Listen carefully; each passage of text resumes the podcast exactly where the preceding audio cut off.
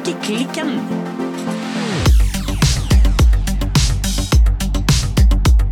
Hallo, Silje. Hello, hello, hello, Birte. Du, Silje. Ja? Rett på sak. Ikke noe knussel. Nei. Hva strikker du på i dag? Jeg strikker ikke. Eh, Nei? Jeg hekler. Oi! jeg er ikke en strikker, jeg er en hekler.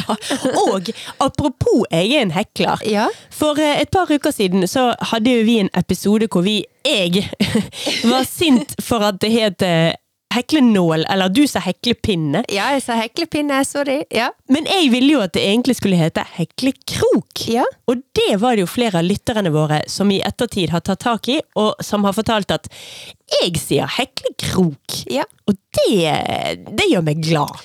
Jeg tror vi kan konkludere med at uh, håper jeg, the vote eh, is in, og ja, det heter heklekrok. Ja, jeg vet ikke om the vote is in, men i alle fall, det er i hvert fall lov å si heklekrok også. Ja. Og siden jeg er, ja, liker å være presis i språket, Jo. så skal jeg fra nå av aldri mer kalle det for en heklenål. For det er jo ikke Nei. nål. Så fra nå av så skal jeg si heklekrok. Ja, for det var heklenål du sa. Jeg sa jo heklepinne, men det er jo bare i, i full eh, uvitenhet. Ja, altså Jeg har alltid sagt heklenål, men Ja. Hvor det kommer fra, det vet jeg ikke. Og det er jo rett og slett beviselig eh, feil. Det er ikke en nål, det er en krok. Ja. Så heklekrok it is. Heklekrok it is. Ja. Jo da, nei, jeg hekler. Jeg har begynt. Jeg har ikke kommet langt, sånn at jeg, det, det er ikke mye å snakke om. Nei. Men jeg har begynt å hekle på en bøttehatt i sinnssyke farger. Ja. Du vet dette her er garnet jeg la ut på Instagram for ganske mange uker siden. Det er i neongul og neongrønn. ja, for når du sier sinnssyke farger, da mener du faktisk sinnssyke farger. Ja, men hvis du Ja. tenker deg neongul og neongrønn i kombinasjon med at jeg allerede var i besittelse av intenst rosa, mørk rosa mohairgarn. Oi. Ja, Ja. Det, er, det er mye å fordøye.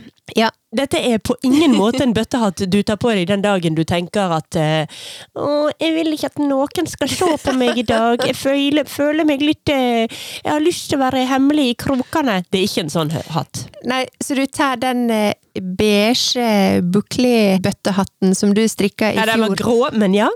Var den grå? ja. Den var ikke beige, den var Å ja, grå. unnskyld. Ja, ja, men det er nesten bedre. Den grå bøttehatten, bouclé-bøttehatten som du strikka i fjor, som vart litt sånn hm, is it a bøttehatt day or not? Og så bare høyner du med en bøttehatt i neon. Ja, Ja, det, det er akkurat det som skjer.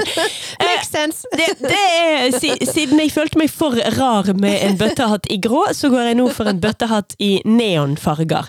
Ja. Eh, og mohair. Eh, Fordi eh, Fordi Nei. Fordi Hvorfor ikke? Fordi livet er for kort for å ikke gå rundt med sinnssyke bøttehatter av og til.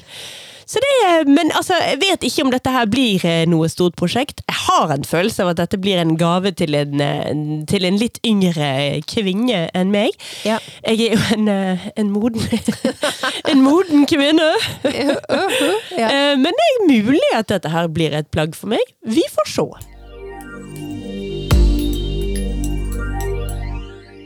Men eh, altså, å hekle en eh, bøttehatt, eh, har du oppskrift da, eller hva? What's the deal? Nei da, ingen oppskrift. Altså, når jeg hekler, det er jo en av de mange fordelene med hekling framfor strikking. Ja. Det er jo at dette er jo bare rundt og rundt, og er ikke på noen måte Det henger jo ikke sammen med en rundpinne eller noe sånt. Så jeg hekler den ovenifra og ned, Ja. og bare øh, øker og øker og øker. Og da legger jeg den jo rett og slett oppå hodet mitt, Ja. for å se når det er på tide å ikke øke mer, men å hekle seg nedover. Og så når jeg kommer til sånn omtrentlig ja, Hva skal vi kalle den delen av hodet, da? Luggen? Litt over ørene? Nei, omtrent ved ørene. Tinningen. Tinningen? Er det tinningen? Vet ikke. Nei. Ja. Kan vi ringe noen som eh, har studert anatomi? Rett, rett over øyebrynet? Ja, litt mer over. eh, Godt høyere enn det. For nå Ja. snakker jeg om når du skal begynne å eh, Skrå ut. skrå ut for å få for at det faktisk skal bli en bøttehatt og ikke en eh, Altså, hvis du bare eh, hekler rundt og rundt og ikke gjør noe, så blir du en sånn muslimsk hatt eh, som eh, muslimske menn bruker. Sant? En sånn trang eh, kalott. Kalott, ja. Hvis den er veldig liten, så blir det en jødisk kalott. Hvis du fortsetter nedover, blir det en muslimsk kalott. Mens jeg skal jo lenger ned, og så ut, sånn at han får denne klokkeformen, altså bjelleformen, eller noe sånt. Ja. har jeg beskrevet dette godt nok for radiolytting nå? Ja, altså, jeg sitter jo og ser på deg at du gestikulerer og, og viser og håper si tegner, så ja, jeg skjønner det. Jeg tror nå egentlig at eh, lytterne våre forstår hva vi snakker om også nå, for vi snakker jo om en bøttehatt. Vi snakker om Ja. en bøttehatt, sant? som Folk er en skjønner. slags Men jeg tenkte, siden du liker å freestyle litt, og tydeligvis eh, er kompetent eh, nok til å gjøre det, jeg kunne aldri gjort det, for the record, men jeg så at eh, krauseri, altså eh, krauseri.no, eller krauseri på eh, Instagram, de eh, har lansert en oppskrift på noe som de kaller hvilehatt. Hvilehatt! Ja, det er jo Nå viser du meg et bilde av det de kaller hvilehatt, og Ja. krauseri. Jeg vil jo absolutt kalle det der en bøttehatt, men ja, dere kaller det hvilehatt. Greit nok, kjært barn og mange navn og sånt. Det er en, eh, altså det står her hvilehatt eh, er en klassisk eh, sommerhatt i lin og bomull. Eh, og så står det at du kan få en klassisk eh, bøttehatt med rund topp og smal brem, eller en mer sporty versjon med flat topp og vid brem, eller ei blanding. Men i alle fall, hvis du er sånn som meg, altså nå snakker jeg til lytterne våre, eh, for de lytterne som er sånn som meg, som trenger oppskrift, så vil jeg i hvert fall anbefale å sjekke ut eh, Krauseri si hvilehattoppskrift. Men eh, er den eh, til krauseriet, er den strikket eller heklet? Altså, med første liksom glans, så ser den Og jeg tror jeg er litt sånn London London inspired eh, i praten her i dag. Ja, men eh, den ser ved første øyekast så ser den eh, hekla ut, men den er faktisk strikka. Ja, ja, Ja. få se. Ja, det er vel det er perlestrikk, det er derfor det ser Ja. litt sånn eh, heklet ut. Men ja, den er strikket, altså. Ja. Ja, nei, men da eh, vet vi det. For de som ikke vil freestyle, de kan altså finne en oppskrift på krauseriet.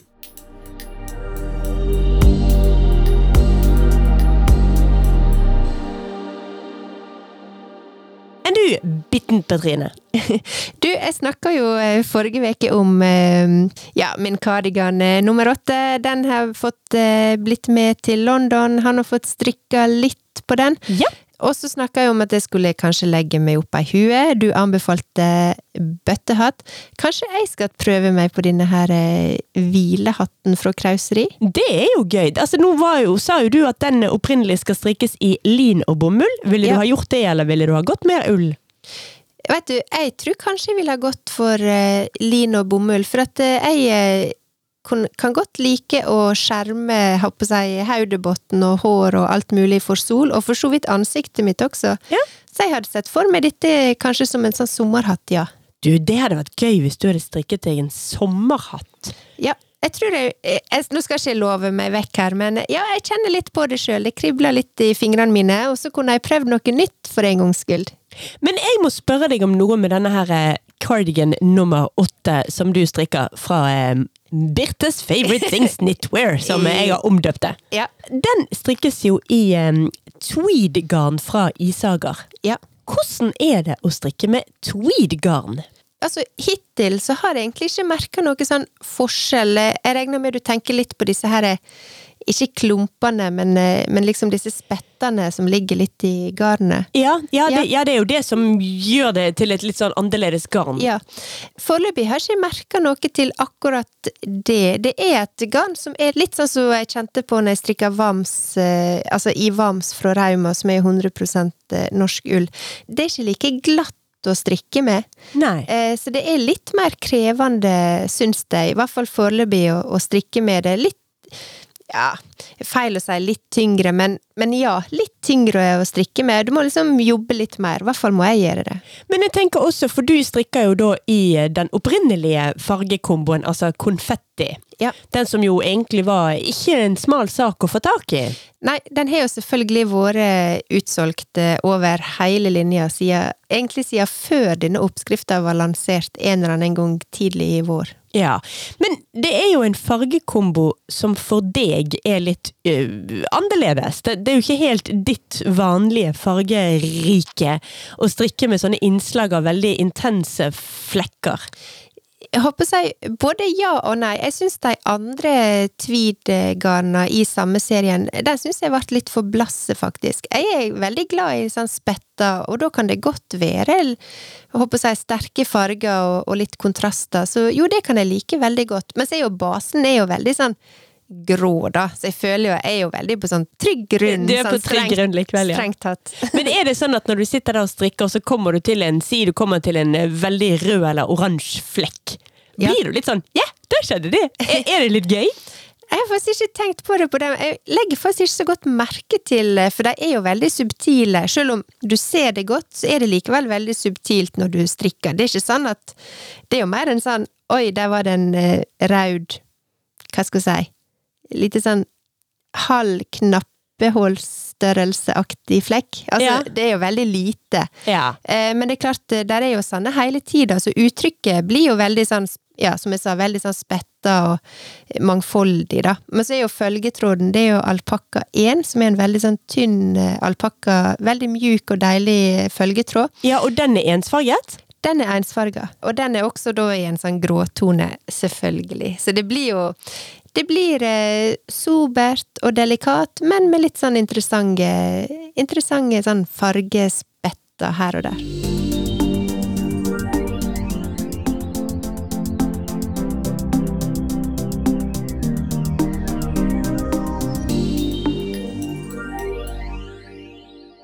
Birte. Ja. I dag skal vi snakke litt om mote og tekstilhistorie. Ja, det skal vi faktisk. Og dette er jo litt mer ditt felt enn mitt felt. Ja, så dette er jo noe som jeg er veldig, veldig interessert i. Jeg syns det er veldig interessant. Og så har jo vi snakka om det på ulike måter tidligere, og vi, når vi snakker om bærekraft, kommer vi alltid tilbake igjen til liksom produksjonsmåter. Vi kommer ofte innom fast fashion, overflod, alt dette der. Så det er liksom Ligget der eh, lenge og gnura litt at vi trenger en episode som fordyper seg litt mer i historien her. Ja, litt mer, og hva er det vi egentlig snakker om? For jeg tror det er lett å ta for gitt at alle kjenner til hvordan det var en eller annen gang tidligere. At ikke det alltid har vært sånn at du bare kan gå i butikker etter butikker etter butikker og bla deg gjennom endeløse heng med klær. For sånn har ikke det vært alltid, og det har faktisk ikke vært sånn veldig lenge heller. Nei! Allerede i vår eh, glade barndom så var det jo faktisk ikke fullstendig sånn. Det har klart, Vi kunne gå i butikker også når vi var barn. Ja. Men disse her eh, fast fashion, for ikke snakke om det nyere begrepet, da, ultrafast fashion, fantes jo ikke på 80-tallet. Nei, det gjorde ikke det, og utover på 90-tallet var jo det vi så liksom framveksten av disse her store kjedene som begynte å produsere, men det kan vi komme litt tilbake igjen til. Ja, for Ja. jeg føler at vi er jo nødt til å begynne på selveste begynnelsen. Ja, det skal vi gjøre. Altså Aller først så var jo klær noe man produserte hjemme. Eventuelt eh, kjøpte på små lokale markeder og kaupanger og den slags. Ja, og så er jo det viktig å huske på at eh, for lenge siden, og da snakker jeg liksom om par hundre år siden, Mhm. så hadde jo en veldig få klær. Du hadde liksom, eh, håper jeg, arbeidsskjorte og arbeidsbukse som eh, ja, du gjerne kunne bruke gjennom hele veka. Og så tok du deg et bad, forhåpentligvis, og så skifta du til eh, noe som kanskje var litt finere. Men du, du hadde jo veldig lite klær i utgangspunktet for, ja, for eh, noen hundre år siden. Ja, og det som eh, begynte som eh, finklærne på søndagene, når det begynte å bli veldig slitt, så ble det degradert til eh, hverdagsklær i ukene. Ja. Og derfra ble det degradert helt ned til det ble filler og stappet i veggene som siste isolasjon. Ja, men når vi snakker om tekstilindustri, så begynte jo det da en sånn maskinell eh, produksjon i England på slutten av 1700-tallet. Mm. Og denne tekstilproduksjonen, altså ikke den maskinelle produksjonen, men tekstilproduksjonen starta jo som en håndverksproduksjon av tråd organ og stoffer i familiebedrifter, gjerne i Italia og Flandern på 1300-tallet. Og så hadde du også eh, for eksempel stor silkeproduksjon i Italia allerede fra 1200-tallet. Ja, vi har jo tidligere laget en episode om eh, silke, og silkeveien, og hvordan man eh, produserte silke i Kina i gammeldager. Ja, sånn som det var også tidligere, så var også på en måte produksjonen av tekstiler var også avhengig av hvor en lå hen. Mm. Så sånn som i Tyskland, så hadde du disse her midtre høylandsområder som kunne by på både lin- og ullproduksjon, fordi at det lå liksom i sånn høyere liggende område.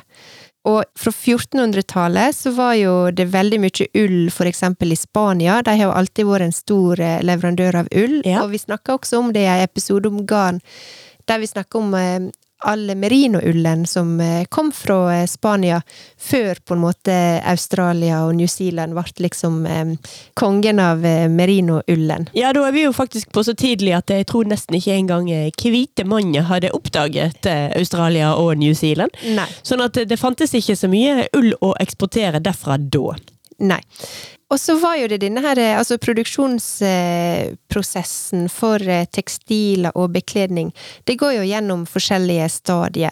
Og noen eh, skjer jo flere ganger. Dette har vi også snakka litt om. Altså det er vasking, det er karing, det er kjemming, det er toving, det er bleiking, farging, spinning, tvinning, veving, og til slutt sying. Altså det er jo ikke måte på hva prosesser som må til fra du går fra jeg håper å si eh, ull på sauen, for eksempel, til et ferdig plagg. Ja, og hvis du virkelig utvider det, så må du jo også legge inn i det hele tatt eh, Fø opp denne, dette lammet som skal Ja. bli en sau, for så å eh, stelle denne sauen, og så klippe denne sauen. Ja. Men også i løpet av den industrielle revolusjonen så ble stadig flere av disse prosessene mekanisert. Mm. Og denne utviklinga starta, sånn som vi sa, i England på slutten av 1700-tallet. Og så skjøt den eh, fart med nye prosessinnovasjoner gjennom hele 1800-tallet. Da er det jo mye at man snakker om at man får et helt annet forhold også til energi. Ja. I gode gamle gammeldager, da kom jo kraften fra mennesker eller dyr. Ja. Du hadde håndkraft eller oksekraft. Ja. Men så etter hvert så fikk man jo inn mye bedre, eller i hvert fall mye mer forurensende, men mye mer energieffektive måter å drive industri på. Ja, for tekstilindustrien var i lag med gruvene den første industrien i England som ble eh, mekanisert med dampkraft. Ja! Og viktige eh, håper jeg, sentra for eh, engelsk eh, tekstilindustri, det ble jo byer som Manchester og Leeds. Mm. Og så var det det som vi nevnte, at i løpet av 1800-tallet så kom det var det en rasende utvikling, så det kom stadig nye maskiner, stadig nye produksjonsprosesser, altså mekaniserte produksjonsprosesser. Men før denne her maskinelle produksjonen skjøt fart, så var jo det også en heimeindustri som var basert på spinning og strikking, eller veving, i private heimer, eksempel på 1500-tallet. Og dette var jo veldig vanlig eksempel i Danmark. Ja da, altså der var det jo mye Mange kvinner som holdt på med dette her som sin egen sånn hjemmeindustri, og solgte det da på markeder og på forskjellige måter. Sånn at dette har jo vært ting som kanskje ikke nødvendigvis har vært hovedinntekten til en del familier, men det har vært en viktig biinntekt for mange. Absolutt. Og vi ser jo også at eh, ull det har jo hele tida vært en sånn veldig dominerende råvare i tekstilindustrien. Ja, i alle fall her oppe i det kalde nord. Ja. Men også litt lenger sør, faktisk. I alle fall hvis vi snakker i et eh, europeisk eh, perspektiv.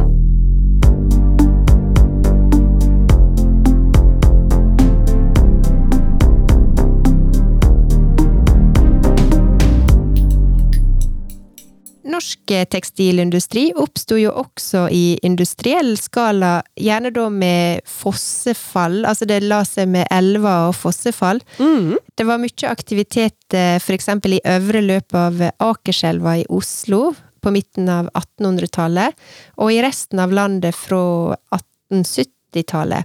Og da var jo utgangspunktet norsk ull og vannkraft. Ja, altså nå er jeg litt på tynn is her, men jeg mener at sånne områder av Oslo, sånn som eksempel Sagene og sånn altså Grunnen til at det heter Sagene, er jo, så vidt jeg har forstått, rett og slett fordi at det var Altså, de brukte kraften fra Akerselva til å drive sager. Sagene. Der er i hvert fall altså, kraftig eh, elveløp der, eller fossefall nesten. Det er det. Så de også har brukt Akerselva til å eh, hente kraft til tekstilindustrien, er nærmest litt sånn ja, selvfølgelig. Ja. Og generelt i Norge så lå jo ullvarefabrikkene spredt i hele landet. Og da var det vanlig at lokale bønder leverte ull direkte til eh, fabrikken. Vi har jo snakka tidligere om Salhus trikotasjefabrikk, mm. som ligger her nord for Bergen, som nå er da Tekstilindustrimuseet. Den starta i 1859. Ja, men hvis jeg husker rett, den ligger jo også ved en gammel elv. Men ja. hvis jeg husker rett, så har den aldri hentet uh, kraften sin fra elven. De brukte der elven til å hente inn, for det, det kreves jo mye vann til tekstilproduksjon, til å vaske ullen og til å farge og alt dette her. Mm. Men jeg tror, hvis jeg husker rett, at Salus Salhus trikotasjefabrikk aldri har vært drevet av vannkraft. Den hadde elektrisitet helt fra første stund, mener jeg å huske. Og så er jo det faktisk mange av disse her eh, gamle ullvarefabrikkene som lever den dag i dag. Så altså Hillesvåg, Sandnes ullvarefabrikk, Rauma ullvarefabrikk. De representerer jo sånn sett bare et fåtall av de som eksisterer i dag. Fordi at eh, jeg, i gamle dager, eller på 1800-tallet og litt utover, så lå jo disse her ullvarefabrikkene tett i tett i tett over hele landet. Ja.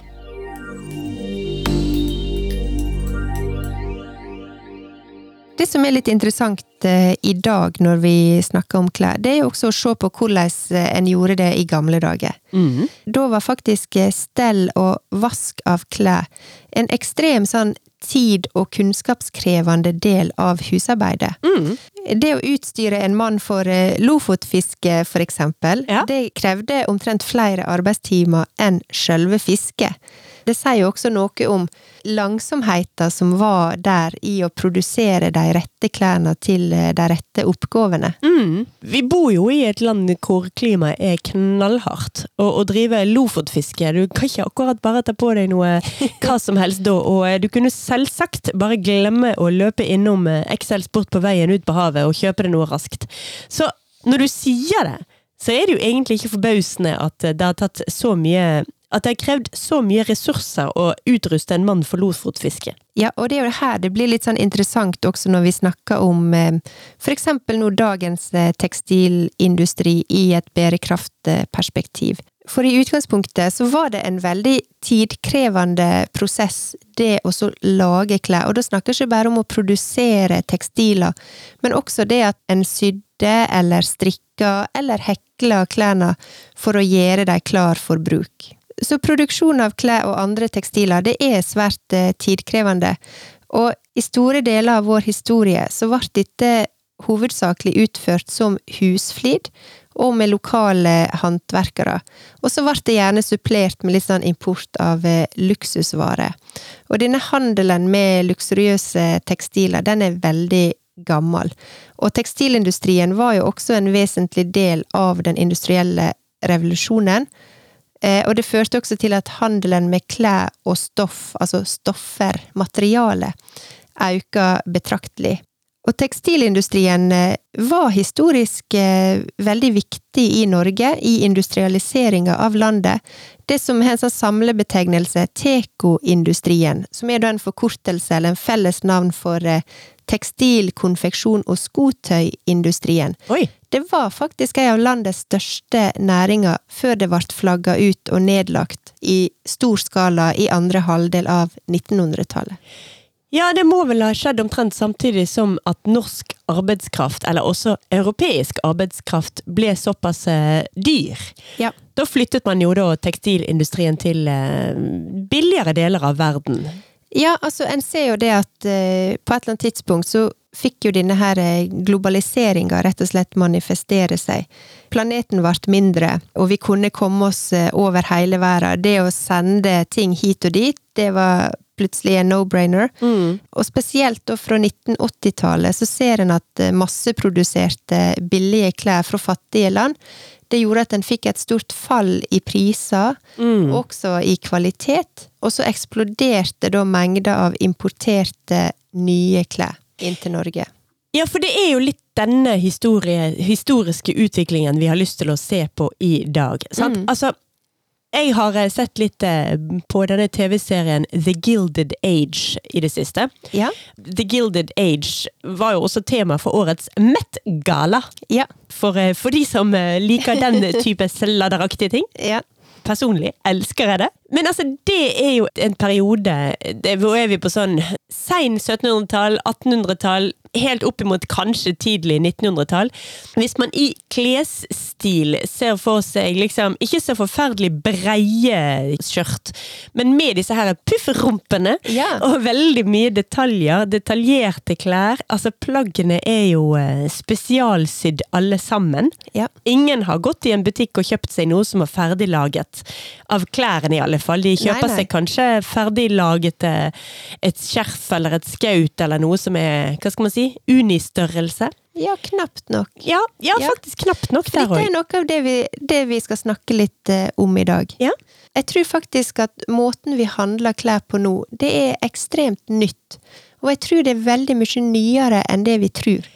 Altså Så seint som på 1970-tallet så var det helt vanlig å sy klær sjøl. Mm. For eksempel så veit jeg at eh, altså min mor hun sydde omtrent alle barneklær til storebroren min Oi! som da er født i 1973. Jeg veit at eh, min svigermor gjorde det samme. Ja. Eh, så det var faktisk helt vanlig da, og det er ikke lenge siden. Og så har det skjedd noe fra din storebror ble født til du ble født, for du er opptredd i kjøpeklær. Ja, jeg har fått inntrykk av at eh, jeg hadde ikke så veldig mye sydde klær. Jeg har veldig mye strikka klær. Både skjørt og kjoler og gensere og alt slags. Men eh, nei, altså, mamma har snakka om det mange ganger, at, at hun sydde omtrent alle klærne til eh, storebroren min. Ja, som er da fem år eldre enn meg. Ja, det, jeg liker at vi har klart å pinpointe, om ikke akkurat når skjedde den tekstilindustrien liksom worldwide, men vi har i hvert fall klart å pinpointe ned til liksom sånn eksakt innenfor et femårsperspektiv når det skjedde i et hus i Ulsteinvik. Ja. Det var da, det var da eh, tekstilindustrien kom til det huset i Ulsteinvik. Ja. Og det er altså 70-tallet, sånn at fram til da var det en helt annen måte å tenke rundt dette med klær, og i hele tatt ja, forholde seg til fenomenet klær. Ja, og en annen ting som er litt eh, spesielt i det perspektivet også, er jo hvordan prisene på klær også bare har gått nedover og nedover og nedover. Ja. For på 70-tallet så kosta det faktisk ganske mye å kjøpe seg ei Levis-bukse, i forhold til hvis du regner om til dagens eh, priser. Men det som også var spesielt da, det var jo at dette var jo før disse store kjedene kom og begynte å lage ja, rett og slett uansvarlig billige klær. Mm.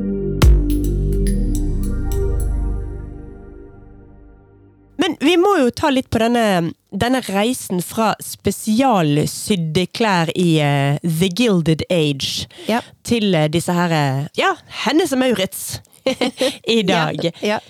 Hva skjedde? Nei, det er litt sånn Jeg tror vi har snakka om globalisering, som gjorde at uh, du fikk billig arbeidskraft, mm. og du kunne importere klær fra andre sider av jordkloda. Og så har jo vi disse her eh, begrepene. Vi har jo snakka om haute couture Ja. før. Det er jo et Eh, eh, fransk ord. Ja, det er det. Altså, det betyr høyere søm. Eh, oh, ja. Og det er jo da altså en betegnelse på klær som er individuelt sydd for kunder, altså i ledende motehus. Altså den her at du går til et eh, motehus og får sydd klærne dine. Så et norsk ord for haute couture ville rett og slett vært skreddersøm?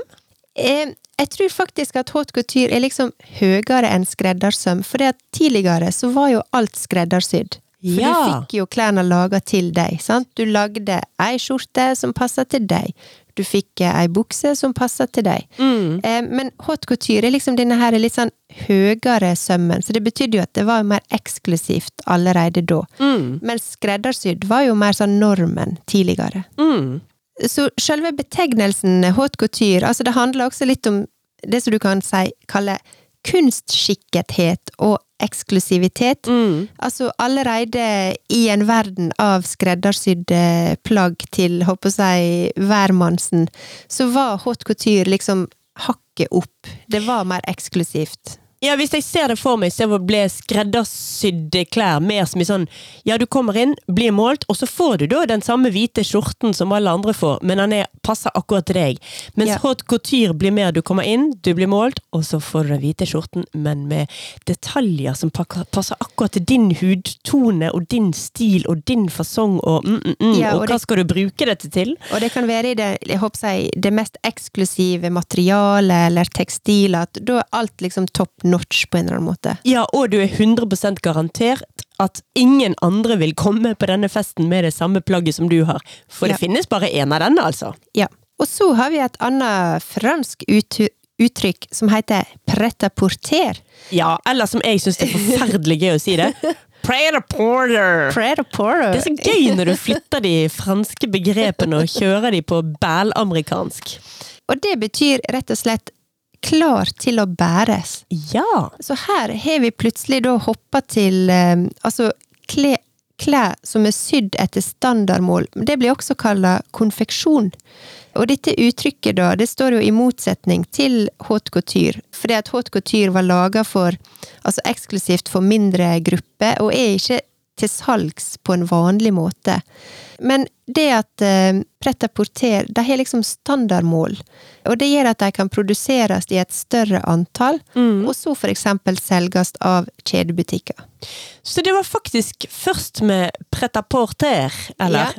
porter, Ja. at man faktisk innførte sånne standardstørrelser som eh, ja, small og medium og large og etc. Stemmer det? Ja, det stemmer. For at altså, konfeksjon er jo da fabrikkframstilte klær.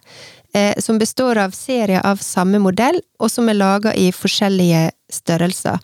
Og disse størrelsene på det som vi kan kalle konfeksjonerte plagg, det blir jo da ofte angitt med et nummer. Men så kan disse nummersystemene variere fra land til land. Ja, man kan jo virkelig variere nå også. Jeg så en artikkel på nrk.no at en butikk i Oslo Edeldesign, de har nylig byttet ut disse her merkelappene small, medium, large osv. Ja. med smekker og lekker, sånn at de har jo beholdt de samme sånn S og L. Ja. Så du kan velge mellom størrelsene ekstra smekker, smekker, midt i blinken, lekker, ekstra lekker eller ekstra ekstra lekker. Og det, det sier jo noe om at liksom denne her, eh, ja hva er du? Er du en small? Er du en, eh, er du en 34? Er du en 44? Hvor er du? Ja. Det er en litt sånn det har blitt en litt kjip måte å måle på for en del mennesker som bor i litt eh, større kropper, eller litt også kanskje for de med veldig små kropper. Ja. Egentlig vil jeg si egentlig for alle kropper, for selv de som er midt i standardens standard, har jo pinadø problemer med kroppen sin. Ja. Inni sitt eget hode, altså. Og et vanskelig forhold til sin egen kropp henger jo også sammen med en standardisering av størrelser på klær. Som du altså Nå forteller du meg at det var noe som kom inn når de begynte med pret à porter, etter at de liksom bare hadde holdt på med hjemmesying og haute couture før det. Ja, for at eh, altså konfeksjonen eh, i praksis så betyr jo det altså masseproduksjon av klær. Og dette handler jo også om eh, den industrielle revolusjonen som vi så kom på 1800-tallet. Men det tok faktisk ganske lang tid fra, fra det og til at klær ble på en måte masseprodusert. Ja.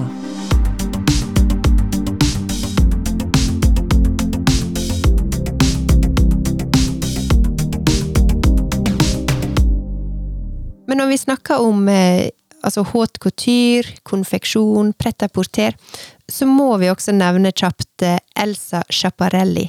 Hvem? Elsa Schiaparelli. Ok. Og også Coco Chanel. Ja, hun har jeg hørt om! Ja, hun har du hørt om. Elsa Schiaparelli hun var si tids største moteskaper. Og hun var ikke utdanna skredder, men hun var kanskje mer en sånn veldig sånn kreativ og kanskje litt sånn atypisk eh, sjel. eh, I dag ville vi kanskje kalle henne Muse eller eh, It-girl.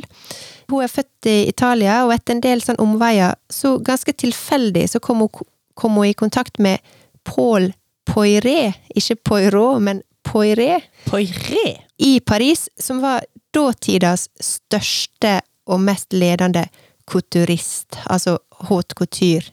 Skaper? Skaper. Ja. Ja. Men jeg liker at det heter couturist. Det, Ja. det var et ord jeg kunne Det er et ord skal, som skal inn i vokabulæret mitt. Ah, Ja. du er en couturist? Couturist. Men etter hvert så begynte Elsa å designe klær sjøl. Og et av hennes første mm, plagg, det var en strikkegenser med et slags sånn skjerfmotiv rundt halsen. Et slags sånn eh, bue, buemotiv. Altså, Eh, når du sier motiv, er det noe som er var det innbarket i plagget, eller sto det opp eh, som en sånn Nei. skjerf oppå skulderen? Nei, det var, det var på en måte strikka inn i plagget. Å ja. Eh, Så det så ut som det var liksom et sånt skjerf som var knytt rundt halsen. Ah, Det som var med Schiaparelli, hun var først og fremst en ekstremt sånn kreativ eh, innovatør. ja. Hun var ikke utdanna skredder, hadde ingen sånn håper jeg, eh, Formell utdannelse? Nei, ingen sånn designbakgrunn. Men hun fant stadig opp nye ting innen klær og mote. Og jeg leste også en plass at eh, hun hadde liksom en sånn blanding av haute couture og sportsklær. Og det fikk så stor eh, innflytelse at amerikanske tekstilmanufakturer manufakturer ga henne sånn Altså, hun fikk sånne lisensierte avtaler. Fra 1929 og framover så introduserte Elsa utrolig mange nye innovasjoner. Det handla om materiale, det handla om måten ting var klipt på, det handla om detaljer, det handla om tilbehør. Hun lagde regnjakke i um, gummifisert ull og silke. Ja. Hun, lagde, hun var den første til å bruke glidelåser på den måten i klær. Oi! Altså at synlige glidelåser. Ja, jeg skjønner, men det er jo en uh, særdeles Jeg har liksom jeg faktisk aldri tenkt på at noen selvfølgelig må ha vært den første til å innføre glidelås i plagg. Og herregud, for en viktig oppfinnelse! Ja. Altså, hun lagde sin første kveldskjole, som var en sånn wrap Altså en sånn eh, Hva det, hva det heter Wrap dress. Nå var jeg på engelsk her. Ja, du, wrap dress Hva er det? Ja. Knytekjole? Om, omslagskjole. Omslagskjole, sier man vel, ja. Ja. Hun lagde culottes, eh, som eh, lak, lagde ikke mindre enn skandale i eh, England. Ja, og til og med jeg vet hva culottes er. Det er Ja. sånne løse bukser som går omtrent til midt på kneet. Som hvis du står stille eller bare beveger deg litt, så ser det ut som et skjørt. Men hvis du går litt fortere og beveger deg litt eh, med litt lengre steg, så ser Ja. du at det er en bukse, altså. Ja. Og hun var en av de første som, eh, som markerte skuldrene på veldig sånn sterkt, jeg håper si, powersuit-aktig vis. Snakker vi kanohals? Nei, vi snakker eh, Du veit 80s eh, power shoulders. Oh, vi Ja. er på spisse skulder, litt sånn Ja. skulderputeaktige ting. Ja. Ah. Og hun lagde kjoler som du kunne reversere, altså bruke på begge sider. Jøss, du kan kle deg med svetten ut! Ja, for eksempel. Men altså, hun hadde så ekstremt eh, mange ideer. Hun var ekstremt eh, innovativ, og sto liksom for eh, veldig mange av eh, ting som vi i dag tar for gitt, men hun gjorde dette der for første gang. Og i 1934 så var hun faktisk den første kvinnelige fashion-designeren som som var på forsida av det amerikanske magasinet Time. Ja, som vi jo selvfølgelig har hørt om. Det er jo ikke noen Ja. eh, liten achievement å havne på forsiden av Time Magazine. Nei. Og hun hang rundt eh, dåtidas eh, største kunstnere, sånn som Salvador Dali, Okay. mest verdenskjente skuespillere og kjendiser. Hun lanserte Constellation Wardrobe, som vi da kan sammenligne med Capsule Wardrobe. Det at du har en sånn sesongbasert eh, garderobe med akkurat de plaggene du trenger, og så at du kan bytte om på det. Og hun var faktisk, eh, eller altså selv om hun var kjent for sine ekstremt kreative og ofte litt sånn surrealistiske kreasjoner. Hun var veldig i denne her eh, surrealistiske verdenen, sånn som med Salvador Dali og sånn, og klærne hennes så ofte veldig sånn rare og ofte ubrukelige ut også. Men poenget mitt med Elsa Schiaparelli, det var at hun var også den første som tilbydde konfeksjon. Altså det at du kunne gå inn i en butikk, og så kjøpe ferdigsydde klær i din størrelse. Hun hadde en, eh, jeg håper å si, liten fabrikk eh, i Paris med over 700 syersker og arbeidere som produserte ferdigproduserte klær som du kunne gå inn i butikken og kjøpe. Ja, og vi to har jo av og til litt sånn negativ holdning til dette her med ja, altså fast fashion, og ikke minst ultrafast fashion. Ja. Og kanskje det høres ut som om vi er veldig negativ til konfeksjonsklær. Men det er klart, i bunn og grunn så er det jo genialt. Det er jo ekstremt elitistisk og ekskluderende at man skal måtte gå og få skreddersydd alt mulig, eller at eh, noen i hjemmet i 99,999% av tilfellene, og selvfølgelig kvinnen, må sitte og sy eller strikke klær til hele familien. Ja. Det er klart at dette var et kjempebra prosjekt og en knakende god idé å selge klær til massene ferdigprodusert. Ja. Problemet er jo at det i ettertid har blitt produsert altfor mye. Og det er jo Ja. derfor vi har havnet i den eh, klesfellen som Ja. vi sitter i i dag, med disse her forferdelige klessøppelbergene som vi har sett bilder av fra Latin-Amerika. Ja, Men eh, det som var så dumt, da, det var at eh, det med at hun var den første som på en måte tilbydde konfeksjon, da handla jo det først og fremst om designet. Ja. Hvordan ting ser ut.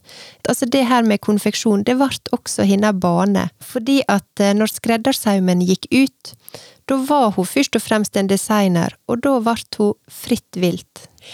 Ja, for jeg må jo spørre her, når du har snakket så varmt og så stort om eh, Elsa Schiparella, hvorfor har jeg hørt masse om Coco Chanel, men aldri hørt om Elsa Schiparella før nå? Nei, det skal du få forklaringa på. Fordi at når Elsa Schiaparelli ble på en måte redusert til et slags til en designer, Ja. så skjedde det da at det florerte med Schiaparelli-kopier som hun ikke tjente ei krone på, og som en da ikke var bevisst på hvor kom ifra, fordi at konfeksjonen gjorde at dette var noe alle kunne produsere, og da til slutt alle kunne kjøpe. Så når skreddersaumen på en måte gikk ut, så var ikke det økonomisk bærekraftig for henne å drive motehuset sitt lenger. Så i 1954 så måtte hun stenge. Hun ga i ettertid ut eh, en sjølbiografi som heter Shocking Pink, som jeg absolutt kan anbefale.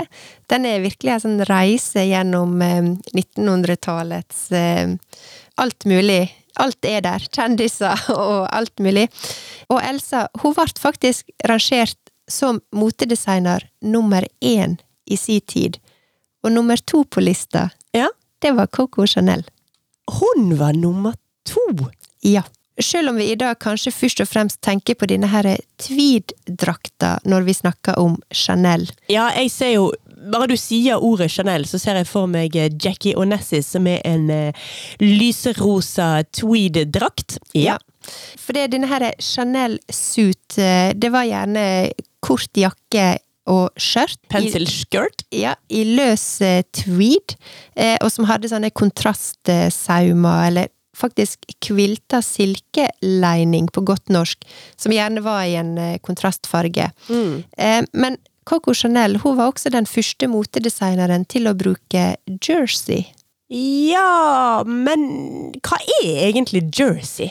Det er jo rett og slett eh, tekstil som først og fremst eh, ble laga av ull. Mhm. Det var masse produsert, og i utgangspunktet kun laga for menn. Men det var et tekstil som eh, under krigen var enkelt å få tak i. Altså du kunne kjøpe store metervarer av jersey. Ok. Så i utgangspunktet så var dette litt sånn billig, altså billig tekstil, som ble brukt f.eks. for eksempel under krigen og sånn, til å sy eh, gensere og T-skjorte og undertøy. Så jersey, det hadde i utgangspunktet ikke noe sånn særlig sånn høy status, Nei. men Coco Chanel, hun tok det til seg og brukte det til å produsere da sine liksom eksklusive klær. Men jersey ble også fort en veldig sånn viktig signatur for henne, og noe av det som gjorde at hun slo seg fram da som en veldig moderne klesdesigner. Hun brukte jersey blant annet til å lage bukser for kvinner, det var jo helt uhørt. Hun sydde gensere. Hun lagde liksom på en måte fine, men veldig sånn dagligdagse klær som også gjorde at, som gjorde at kvinnene kunne bevege seg rundt på en vanlig måte. Mm. Hun brukte aldri korsett i sine klær, det var veldig uvanlig. Mm. Ja, og det er jo ting man i dag kanskje ikke liksom løfter så veldig mye et øyenbryn på. Å, du lager eh, klær i behagelige materialer uten korsett! Ja. Du skal være ganske langt inne i Amish-land før dette er rart. i dag.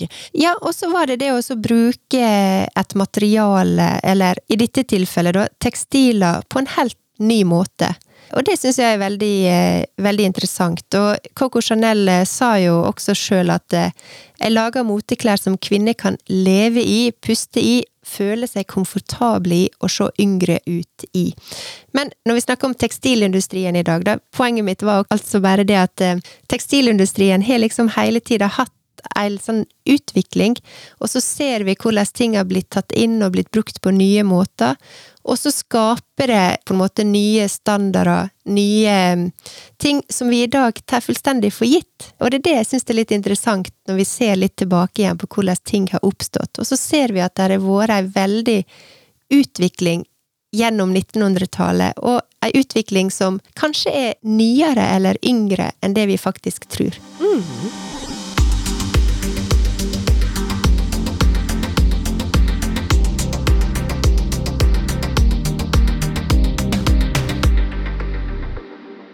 Men Birte, ja. eller som jeg får lyst til å kalle deg nå, Professor Birte.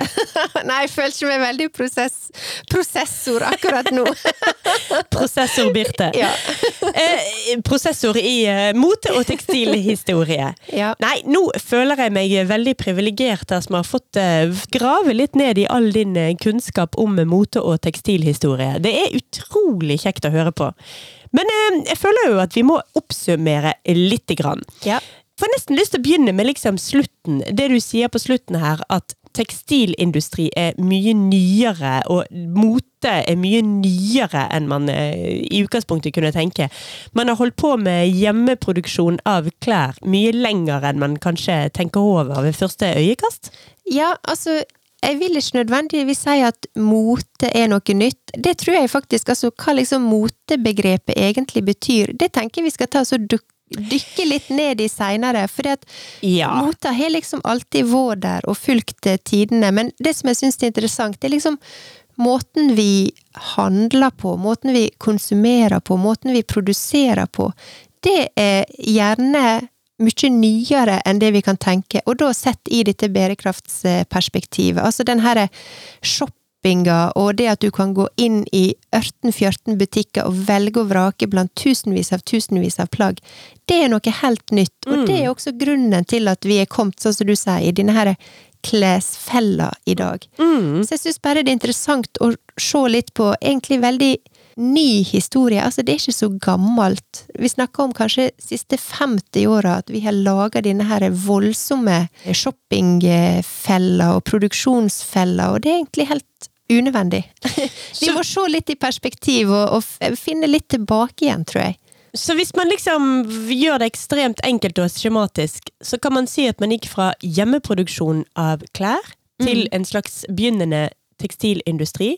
Ja. Så kom da haute couturen inn i bildet. Og haute couture og skreddersøm, som liksom to sider av samme tid, i alle fall. Ja, og skreddersøm har jo strengt tatt alltid vært der, mm. på et eller annet nivå. Det er jo først nå i dag at det er noe veldig eksklusivt, men det var jo standarden før. Og så etter hvert så kom da denne her pret-à-porter og konfeksjonen konfeksjon eh, inn i bildet, mm. som da seinere fødte både fast fashion og eh, samtidens ultrafast fashion. Ja.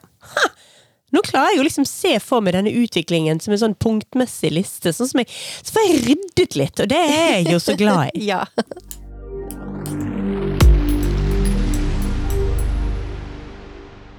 Da har jeg bare én ting å si til slutt, og det er at jeg eh, skal prøve å legge vekk disse her eh, voldsomme mengdene mine med bøker om eh, Stalin, andre verdenskrig og jernteppe, og heller rett og slett lese denne boken 'Shocking Pink' av Elsa Chiparella, for den høres ja. veldig spennende ut. Den kan jeg absolutt anbefale, og der, det ligger veldig mye både populærkultur, kunst, historie, verdenshistorie. Det er en bok eh, Hun levde virkelig på en spennende tid, og hun var en veldig spennende person, så det vil jeg absolutt anbefale. Og med det som siste anbefaling i dag, må vi rett og slett bare si tusen takk til deg, Birte. Vær så god. så må vi ønske lytterne våre en riktig fin uke. Ha det på badet! Ha det bra.